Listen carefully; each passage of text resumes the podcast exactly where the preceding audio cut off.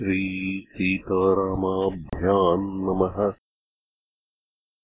श्रीस्कन्दपुराणान्तर्गत श्रीमद् रामायणमाहात्म्यम् प्रथमोऽध्यायः। श्रीरामः शरणम् समस्तजगताम्। रामम् विना कागती। रामेण प्रतिहन्यते कलिमलम् रामाय कार्यम् नमः।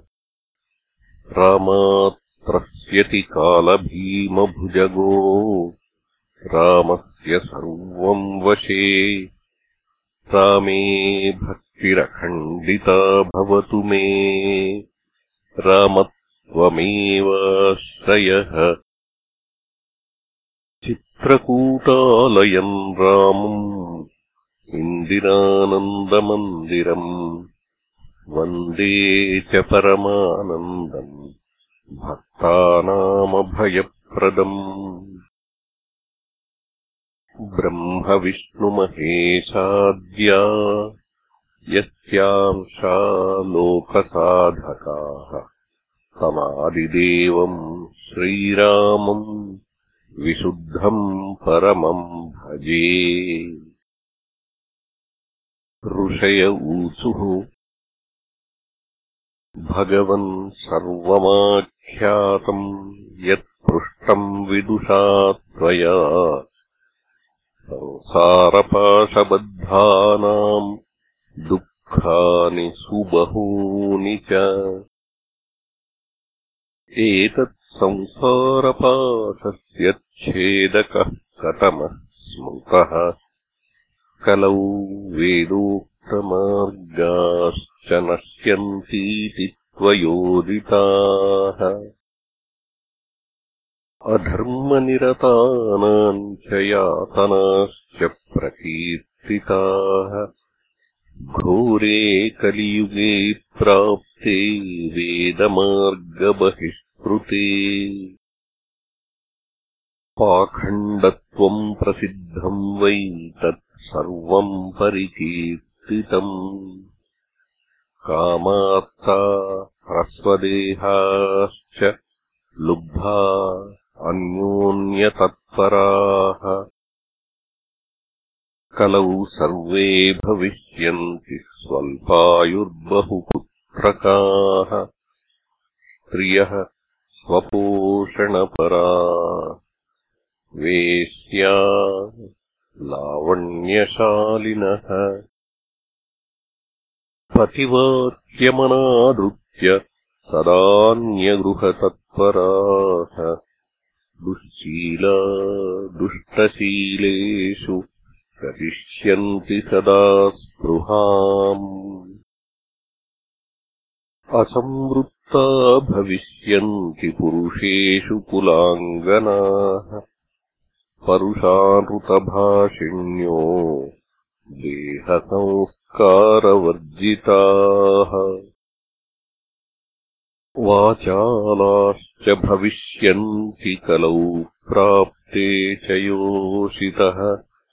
भिक्षवश्चापि मित्रादिस्नेहसम्बन्धयन्त्रिताः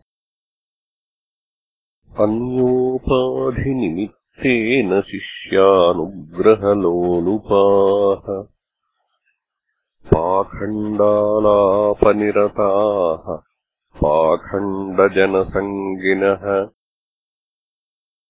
यदा द्विजा भविष्यन्ति तदा वृद्धिगतः कलिः। विप्रवंशोद्भवश्रेष्ठ उपवीतम् शिखाम् त्यजेत् कथम् तन्निष्कृतिम् याति वदसूतमहामते राक्षसाः कलिमाश्रित्य जायन्ते ब्रह्मयोनिषु।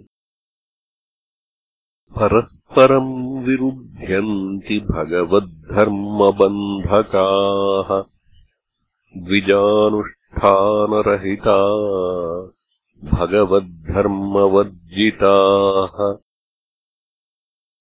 कलौ विप्रा भविष्यन्ति कन्सुकोष्णीषधारिणः घोरे कलियुगे ब्रह्मन् जनानाम् पापकर्मणाम्। मनःशुद्धिविहीनानाम् निष्कृतिश्च कथम् भवेत्। शूद्रहस्तोदकम् पक्वम् शूद्रैश्च सह भोजनम् शूद्रमन्नम् तथा स्नीयात् कथम् शुद्धिमवाप्नुयात्। यथा तुष्यति देवेशो देवदेवो जगद्गुरुः तन्नो वदस्व सर्वज्ञ सूतकारुण्यवारिधे। वदसूतमुनिः श्रेष्ठ सर्वमेतदशेषतः। कथम् न जायते तुष्टिः सूतत्वद्वचनामृतात्। सूत उवाच शृणुध्वम् ऋषयः सर्वे यदिष्टम् वो वदाम्यहम्। गीतम् सनत् कुमाराय नारदेन महात्मना। रामायणमहाकाव्यम् सर्ववेदार्थसम्मतम्। सर्वपापप्रशमनम् दुष्टग्रहनिवारणम्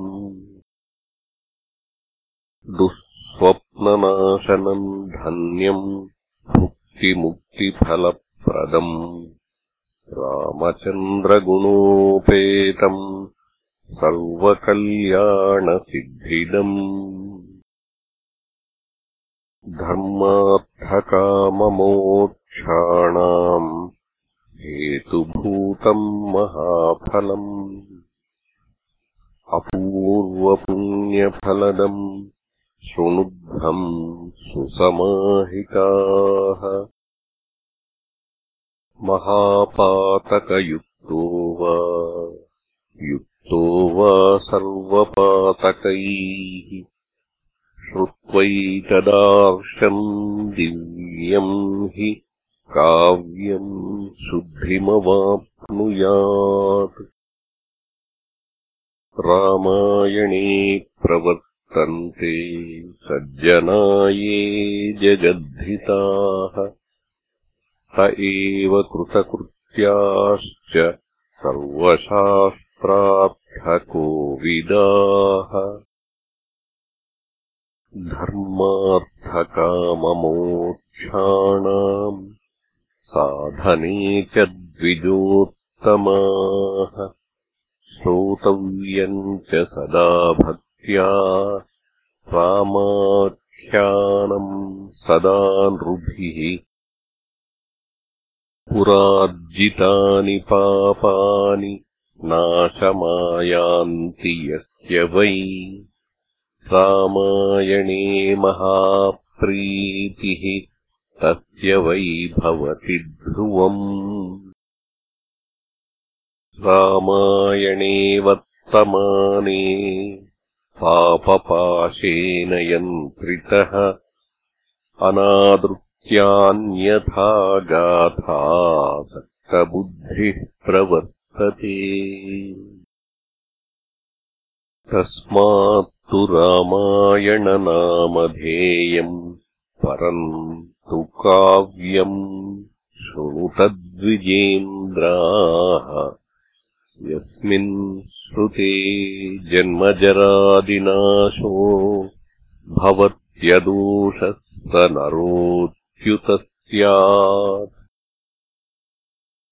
वरम् वरेण्यम् वरदन्तु भाव्यम् निजप्रभाभासितसर्वलोकम्। सङ्कल्पितार्थप्रदमादिकाव्यम् व्रजेन्मोक्षपदम् मनुष्यः।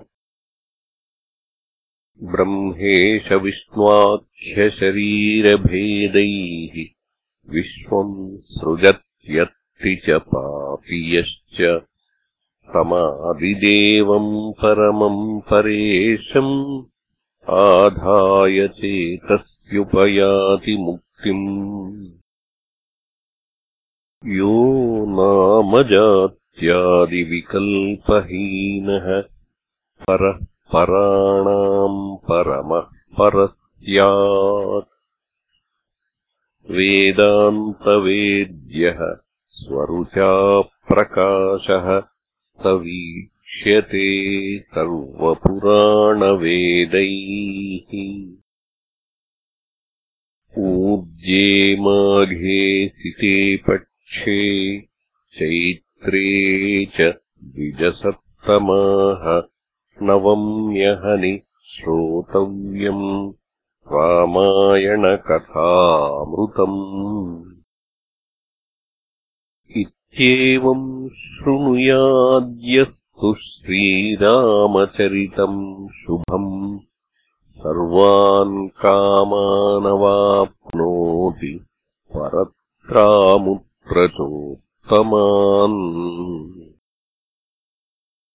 त्रिसप्तकुलसंयुक्तः सर्वपापविवर्जितः प्रयाति रामभवनम् यत्र गत्वा न शोच्यते।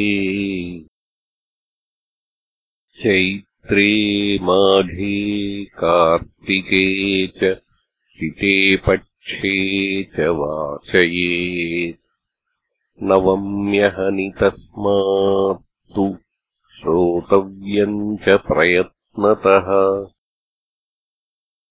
रामायणम् चादिकाव्यम् स्वर्गमोक्षप्रदायकम् तस्मात् कलियुगे घोरे सर्वधर्मबहिष्कृते। नवम्यहनि श्रोतव्यम् रामायणकथामृतम्। रामायणपराये तु घोरे कलियुगे द्विजाः। ते नराः कृतकृत्याश्च न कलिर्बाधते हि तान् कथा रामायणस्यापि नित्यम् भवति यद्गृहे तद्गृहन्तीर्थरूपम् हि दुष्टाम् पापनाशनम् तावत् पापानि देहेऽस्मिन् निवसन्ति तपोधनाः यावन्न श्रूयते सम्यक् श्रीमद्रामायणम् नरैः। दुर्लभैव कथालोके श्रीमद्रामायणोद्भवा। कोटिजन्मसमुत्थेन पुण्येनैव तु लभ्यते ऊर्जे माघे सिते पक्षे। चैत्रे च द्विजसत्तमाः यस्य श्रवणमात्रेण सौदासोऽपि विमोचितः। गौतमशापतः प्राप्तः। सौदासो राक्षसीम् तनुम् रामायणप्रभावेण विमुक्तिम् प्राप्तवान् पुनः। यस्त्वेतत् शृणुयाद्भक्त्या रामभक्तिपरायणः स मुच्यते महापापैः। उपपातकराशिभिः इति श्रीस्कन्दपुराणे उत्तरखण्डे नारदसनत्कुमारसंवादे रामायणमाहात्म्ये कल्पानुकीर्तनम् नाम प्रथमोऽध्यायः